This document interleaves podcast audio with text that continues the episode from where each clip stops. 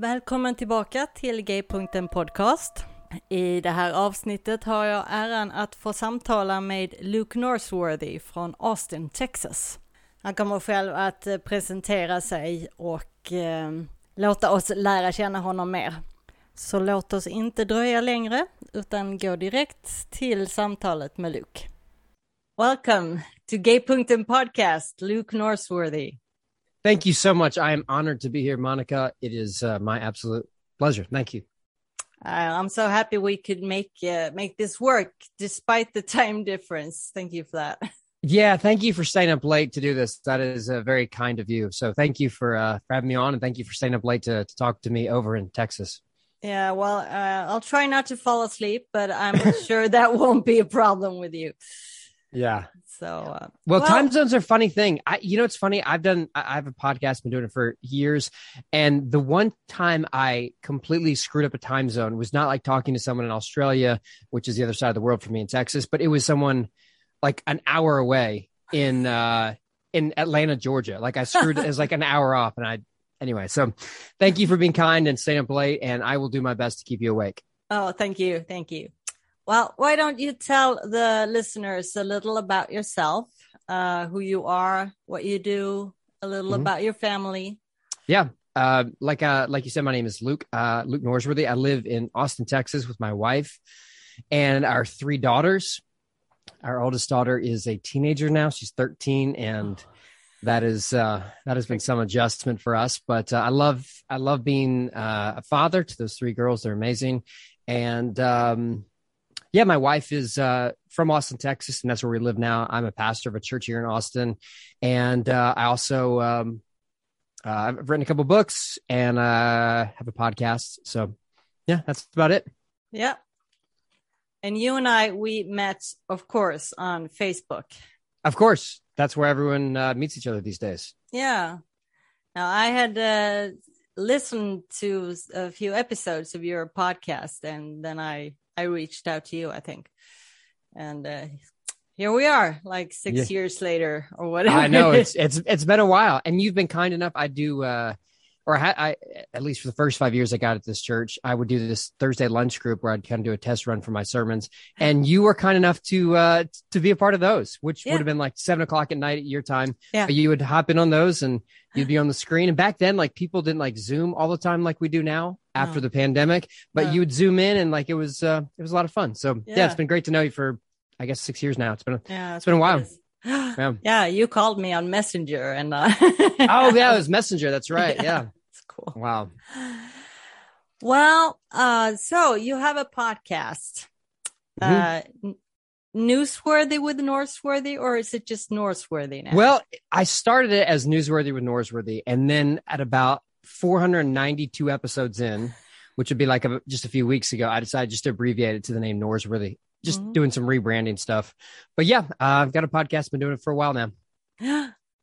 um, I kind of like the old intro. You did?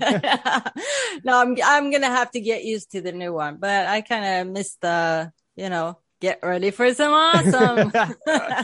yeah, you know, I, I sometimes I miss it too, but uh, it, it had a good run. It was fun, and well, uh, we yeah. hear it. We hear it every time with Jonathan Storment, right? Yes, yeah. My good friend Jonathan, he still likes to do the intro, and honestly, he did the intro even when we had like an actual person doing the intro. So you know, that's what good friends are for. Yeah.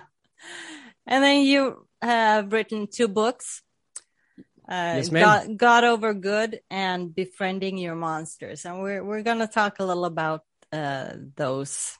Great. Um, tell us a little about your story, um, your own story, like Yeah. uh, your faith journey. I guess I get your first book, God over good. It it is kind of your story, right? It- yeah, it it really is. It's my story until probably I was, I guess, mid thirties when it came out, and I mean, my story. I was someone who was born into a home where my parents both had faith, and they were uh, a part of Christian church, and that was what faith looked like for for us. And so I grew up in which Christianity was kind of the background for everything I did, and so church was you know where we were on Sunday. It's a community we were part of, and it, it was something that uh, when I was a teenager, it really became my own thing.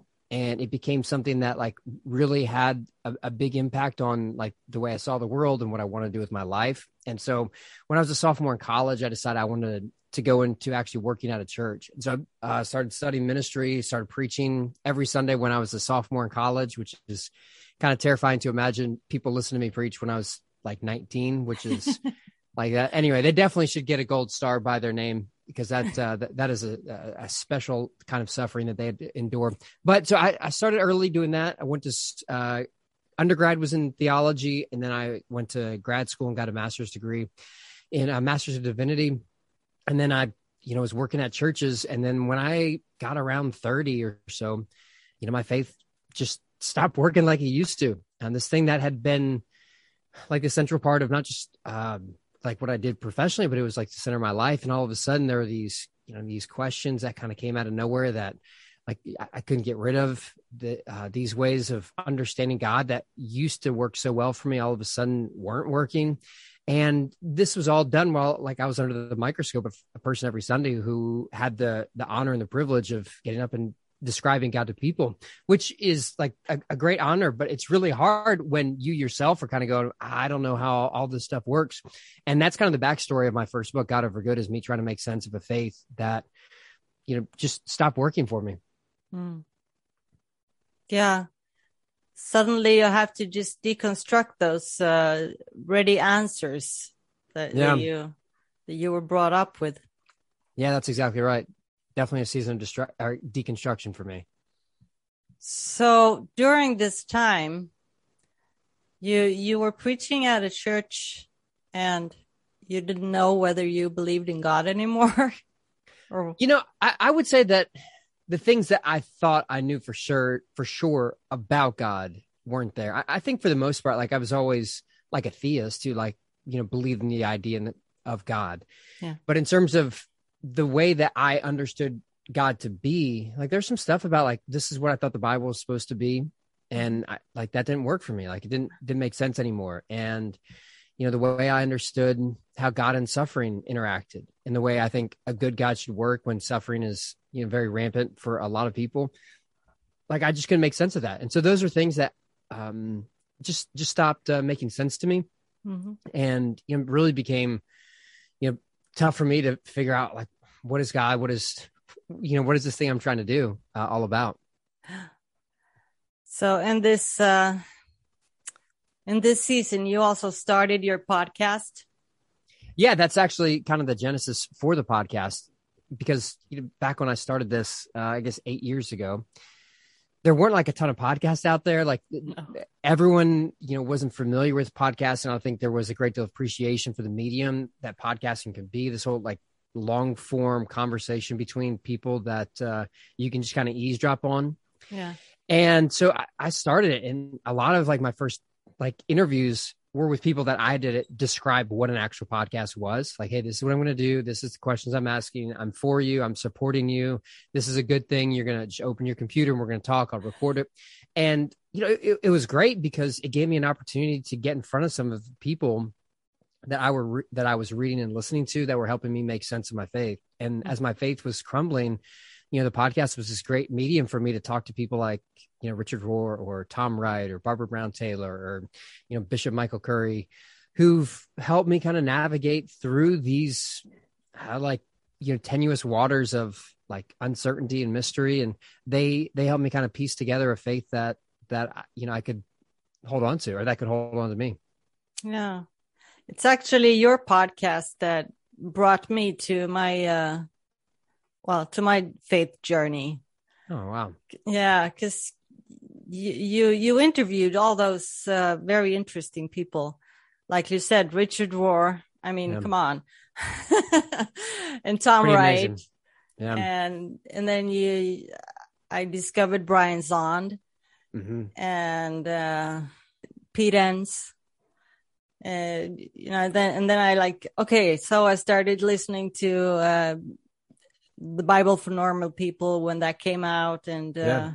and the robcast when he started that so i listened yep. from the beginning yeah i mean the crazy thing is like Pete, I remember talking like Pete was someone that I don't know if you'd read him before you heard him on my podcast, but I, you know, I'd read him. I had his books like on my shelf. This is funny. Like years later, like I was, you know, Pete, Pete's become a friend of mine.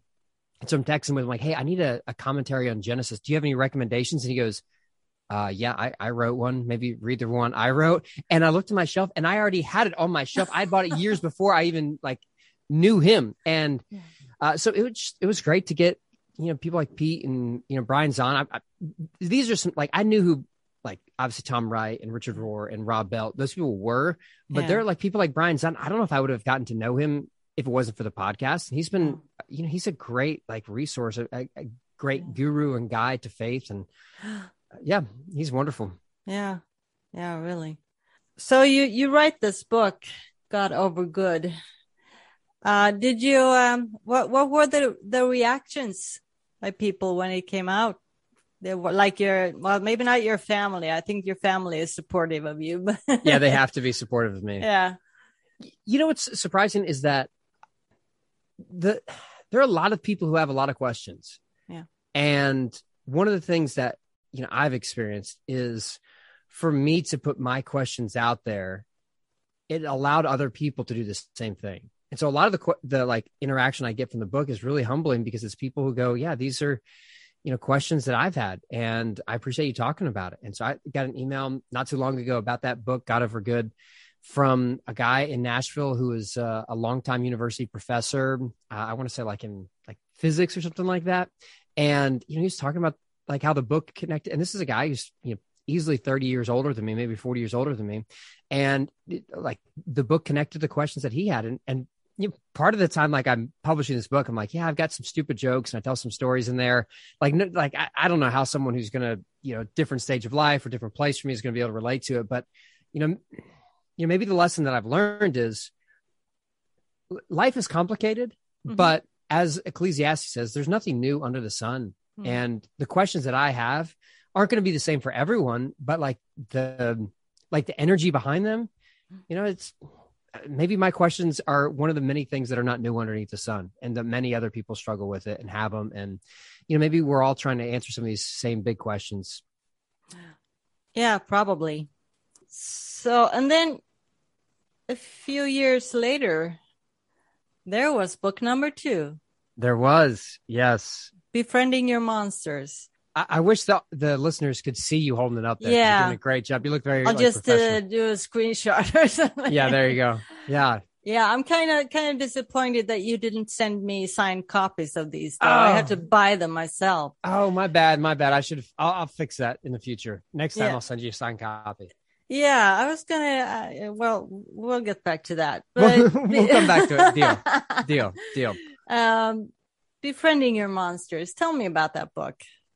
Well, the if the first book, no, the first book definitely not. If it was uh, the first book was my attempt to make sense of a faith that I, I needed to reconstruct or I needed to experience reconstruction with, and so it's more of a, a book about theology ultimately, or or like it's my kind of like apologetic, if you want to put it that way. The book befriending your monsters is more about spiritual formation. It's more about trying to make sense of your soul, and it's less about like the ideas about who God is. It's more about the questions about who, who you are and who God created you to be. And so it's a different type of book. It's a book more about uh, the soul, and it's a, a book about trying to figure out who God created you to be. It's a it's a book that tries to make sense of these things that many of us run away from, because ultimately, in the same way that like doubt for the first book kind of led me to ask some you know bigger questions. Um, you know, befriending your monsters is really about these things I was most afraid of. That they actually were an invitation to be transformed in who God created to me, created you to be. Uh, and so, like a funny backstory is, I actually started writing that book before God Over Good. And so, in the book Befriending Your Monsters, I talk about a few monsters that you have. So it's you know the monster of comparison or success or more. And one of the original monsters that I had for the idea was, you know, the monster of doubt or questioning or uncertainty. Yeah, And like it just kept like I kept writing more and more and more and more, and eventually it's like, oh, this is its own book yeah. and uh, so yeah that like originally like that uh, that was my first book but then kind of you know the writing process took over and the muse led me somewhere else but yeah they that's um that's my first two books right there Yeah. Um, yeah, it's it's interesting these uh, three universal monsters you talk about. Mhm. monster of comparison. I mean, who who doesn't compare themselves to everyone else? Yeah. Especially today in the social media and stuff. Yeah, no, I, I from the time that I've had the book out and people have read it and engaged with it, that's definitely the one that I get the most connection to with people. Where most people go, yeah, I'm, I too struggle with comparison, and and my perspective on comparison is, you know, the reason we do it is because it, it's really hard to answer some of the big questions about like how am I doing? Am I doing? Am I a good person? Am I a good spouse? Am I a good friend? am I doing like, am I being successful? And so what we do is like when we're like off balance is we reach to grab something that's nearby in the same way that, you know, if you're on a ladder and starts to fall down, like the first thing you're do is like, Hey, I'm going to grab, you know, a tree branch or the side of the house or, you know, mm-hmm. a, a shelf or whatever's near you because you need something to give you stability when you're off balance. And uh, I think that's what comparison is. It's like when you don't know how to answer those, like those hard questions about how am I doing in life, what we do is like just grab the people around you, and go, how am I doing compared to them? And so it's really, I think, easy for all of us to do that. Mm-hmm. Yeah. And for us, uh, like pastors, we compare uh, ourselves to other preachers and yeah yeah that doesn't always work out too well i I, no. I, tell a story in the book about when i was 21 and i just started serving in this ministry where i was the preacher and the guy before me um, left and he started to uh, you know serve a congregation in in Dallas, which is about three hours away from where I lived. And so I just kind of compare myself to him. I'm 21. I don't know like how to answer the question of am I doing good as a pastor? Like, am, am I doing the right things? Mm-hmm. And so I just compare myself to him. And what I didn't realize is that this guy would go like start serving a church as their pastor and it would grow to being a church of like 10 or 12,000 people. And he'd become a, you know, a major name in American Christianity. His name is Matt Chandler. And, uh, he's like literally one of the two most gifted communicators I've ever been around. And it, like, it didn't work out too well for me. Like you would have to be an absolute idiot to compare yourself to someone who's like one of the absolute best in your field of your generation. But I did that because I didn't, I didn't realize what I was doing. And, um, in the end, what happens is, you know, even if like the, the place where I was preaching was like a somewhat big platform in that like time and place, I, I felt smaller and smaller every time I was there because mm-hmm. I, I, was trying to compare myself and be someone that I that I couldn't be. Because ultimately, I think what comparison does is it makes you try to be like a, a poor man's version of someone else instead of being the truest version of yourself. And so mm-hmm. no matter how much you try to mimic and copy someone else, you just can't live up to them because God didn't create you to be someone else. God created you to be who you are. Mm-hmm. And the more you live into comparison, the more you lose that true voice of what God says about you and who God created you to be. And you end up just trying to like be someone and something that you can't be. Yeah. And the next monster I have here is more. Yes, monster yeah. more. I never, I never have enough, right? Mm-hmm. How much more do you? How much more do you need? Just a little Can, more. Yeah. Can you relate to that one? Uh, uh yeah. yeah. Yeah. Like like everyone else, I guess. Yeah. Yeah. There's something about like the monster of more that it's so these three universal monsters they come from a line from Henri Nouwen, uh, the late Catholic priest, mm-hmm. who said that we're all tempted to believe uh, I am what I have, I am what I do, and I am what others say about me. And mm. so comparison is kind of I am what others say about me, mm. and I am what I have is like the monster of more. Mm. And so this propensity, like it, it, you always need more. If if what you have, if what you do defines you, then it, it's never really going to be enough because what you're trying to do is you're trying to fill like a broken vessel with water, and no matter how much you pour into it, like it's not going to fill it up. And so what you end up doing is you just try new things and different options and different ways of doing it. And so you know, maybe it's at first like trying to have like, you know, the best career. And then it's like, well, I need to have the best family or I need to have the best appearance or I need to have the best social media. And all these things like, okay, in themselves, like social media, eh, maybe that's morally neutral, but like, you know, wanting to do your work like meaningfully, like that's a good thing. Like mm-hmm. loving the people around you, like, that's a super good thing. Um, but what happens is when you're expecting them to fill a void that they were never created to, to fill, you're just setting yourself up for problems and those things become abused and ultimately you become used because you can't you can't play that game it's a losing game yeah and then you have success yeah if yeah success like if you are what you do then you better be good at it and oh, right yeah i mean success is tough like because God created work to be something that's good. Like in the beginning, like, you know, God created, you know, the world. And then God looked at Adam and Eve and like said, take care of this, like put this Mhm. under your dominion. And so the responsibility for people from the beginning was to oversee God's good creation that God entrusted to us. Mm. And I think ultimately work is no matter like whether you're actually a farmer or you work in, you know, pharmaceuticals, like you're still taking care of God's creation in Mhm. one form or fashion or another. Mm. And so like it, it like the impetus to really care about what you do makes sense because your work really matters. Like you're responding to the initial command from God. But the problem is like with all good things, they can be perverted and they can be misused. In the same way that like food is a beautiful gift from God, but it Mhm. also also can be the very thing that destroys your ability to like have the life that God wants for you. In the same way that work can do that. Like it's it's a very good thing, but if you are what you do, then you better be good at it. And so work ends up becoming like this way to give you your identity and it, it can't live up to that. That's right. So, uh, so this book actually tells us all how to uh, live a monster-friendly life. Yeah. Yes. Yeah, because the thing is, I, I think these monsters are are always going to be there for every one of us, and so you can't get rid of them. But what you have to do is figure out a way to live with them. Yeah, to face your monsters, kind of. hmm Uh, I um, uh, I know this book is also on Audible That's an Yes. audiobook. Yes. Yes, it is. Yes.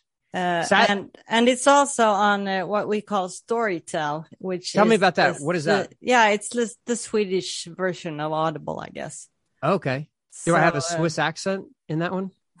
a Swiss accent, a Swedish, Swedish. accent. I don't. I need any accent. I'll take whatever I can get.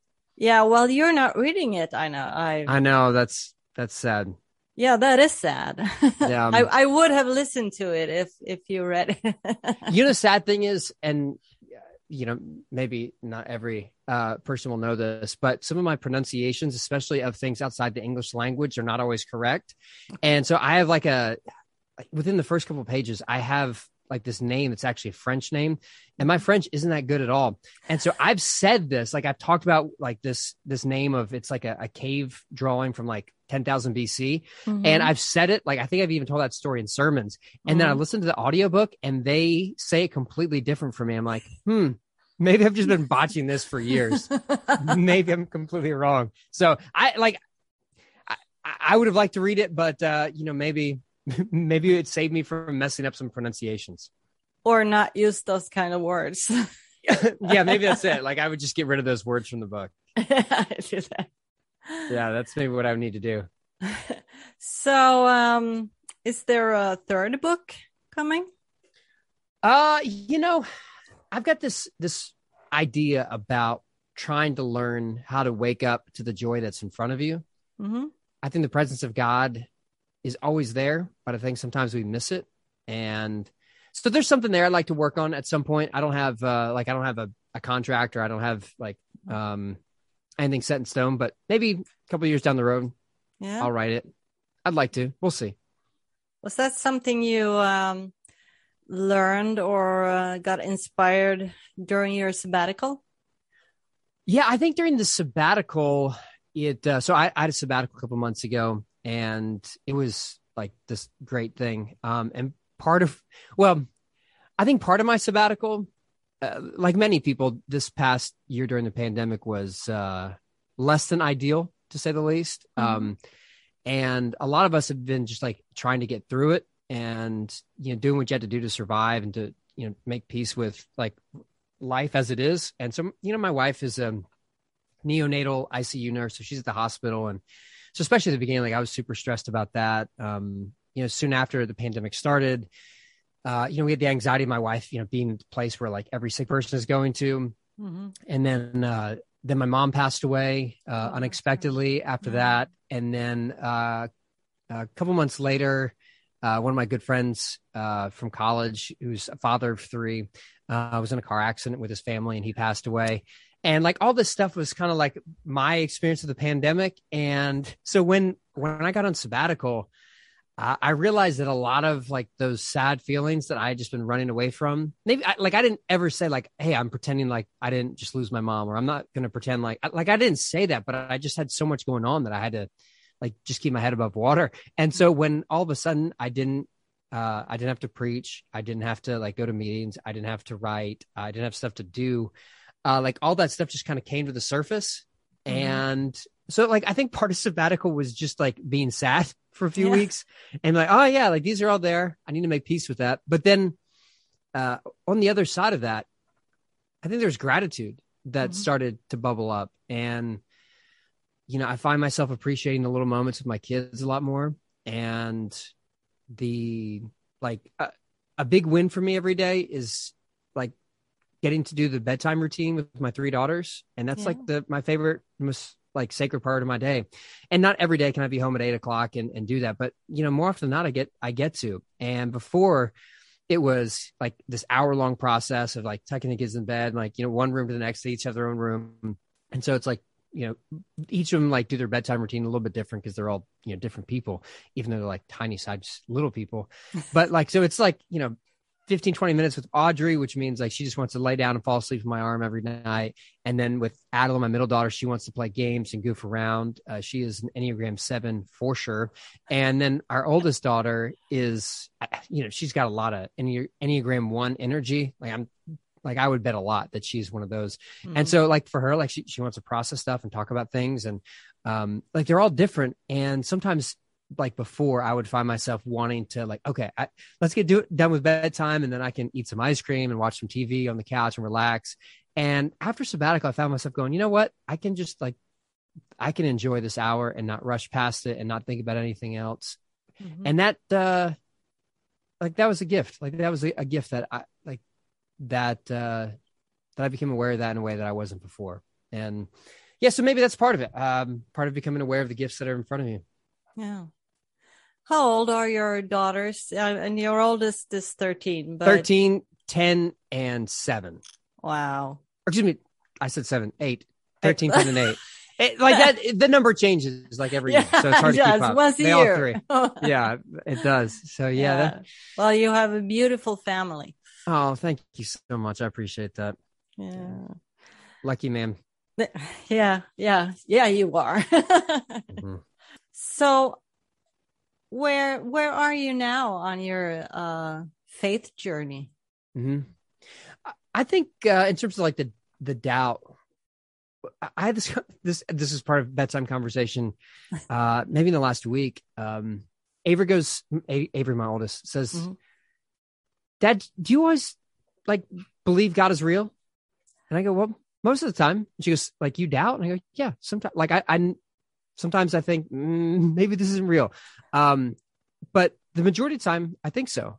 And then I went on to say that I don't think belief is about always having these, you know, arduous, complex, intellectual questions squared away. Mm-hmm. I think belief is about a direction that you orient your life towards. And so I orient my life towards the way of Jesus. And that means there are times that um, that I don't have all the answers figured out in the same way that you know in, in matthew 28 after the resurrection it says that uh, some who gathered uh, doubted. Now others worship jesus but there's some who doubted. And yeah. i think if there's room for the resurrected jesus to make space for some people who are doubting and others who are worshiping that like there's room for that in my life. And so for me now faith is not about the eradication of like doubts or the eradication of complex questions. Like i, I always know that like suffering suffering's presence and God's goodness is it like it's a tough balance. Like how does that work? And I, mm-hmm. I'm at peace with that. And mm-hmm. I, like part of my faith also understands that the Bible isn't exactly what I um like I would write it to be. Like I would make certain things a little different and more clear, and I would make it more like a 21st century uh, piece of literature. I, like I would do that. But you know what? The Bible is what it is, and mm-hmm. I'm at mm-hmm. peace with what it means to me and what it's supposed to mean for all of us and that it is inspired and it's useful for teaching correcting rebuking and that's enough for me. And so mm-hmm. I, like i'm at peace like with with my faith now and like these questions don't haunt me but it's just more they're they're part of the journey. Yeah. And you're only 40 years old. It's it's i just turned 40 and it's weird for you to say like it's weird to hear that still but yes. Yeah i'm 40 as of uh i guess a week and a half ago but yeah. um my kids don't let me forget that though. No. They, uh, they call me an old man now and all that. I think 40 is a big turn. So, yeah. But yeah, I'm 40. Yeah, it's time to grow up then. Huh? I, I guess it's uh second half of a lifetime for me. Getting, Yeah. get- getting close. Yeah, it's getting close.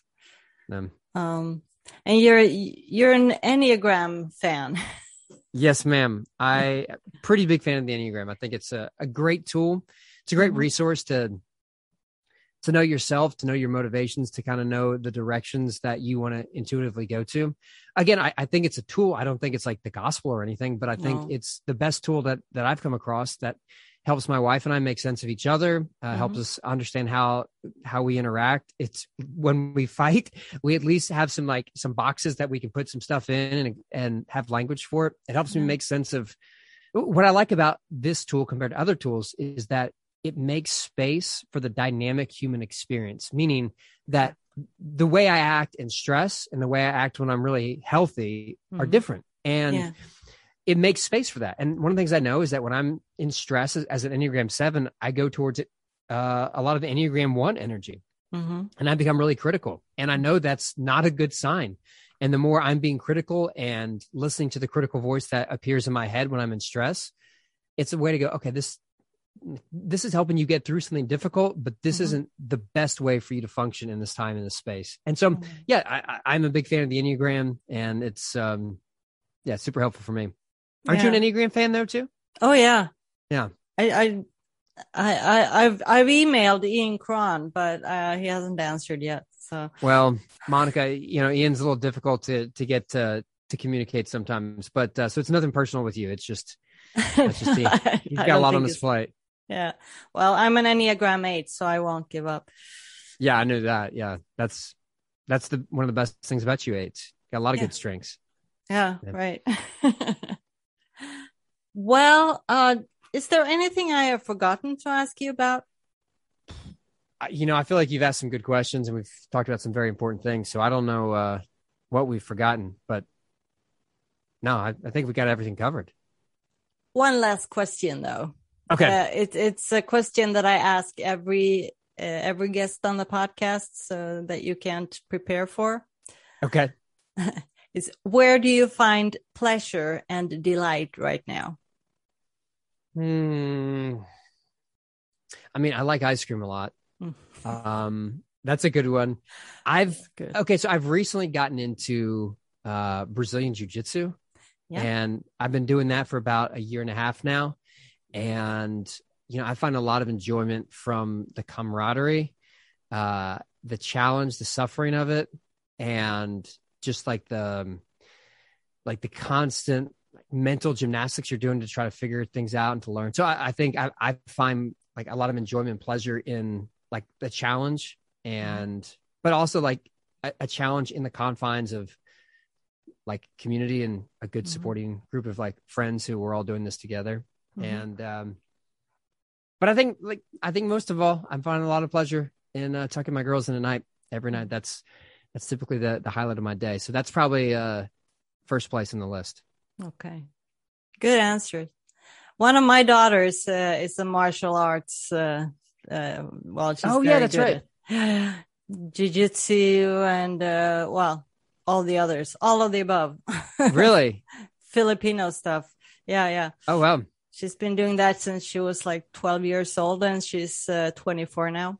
wow So sh- yeah, you should. Uh, i don't want to mess with her yeah, no, you tough. don't.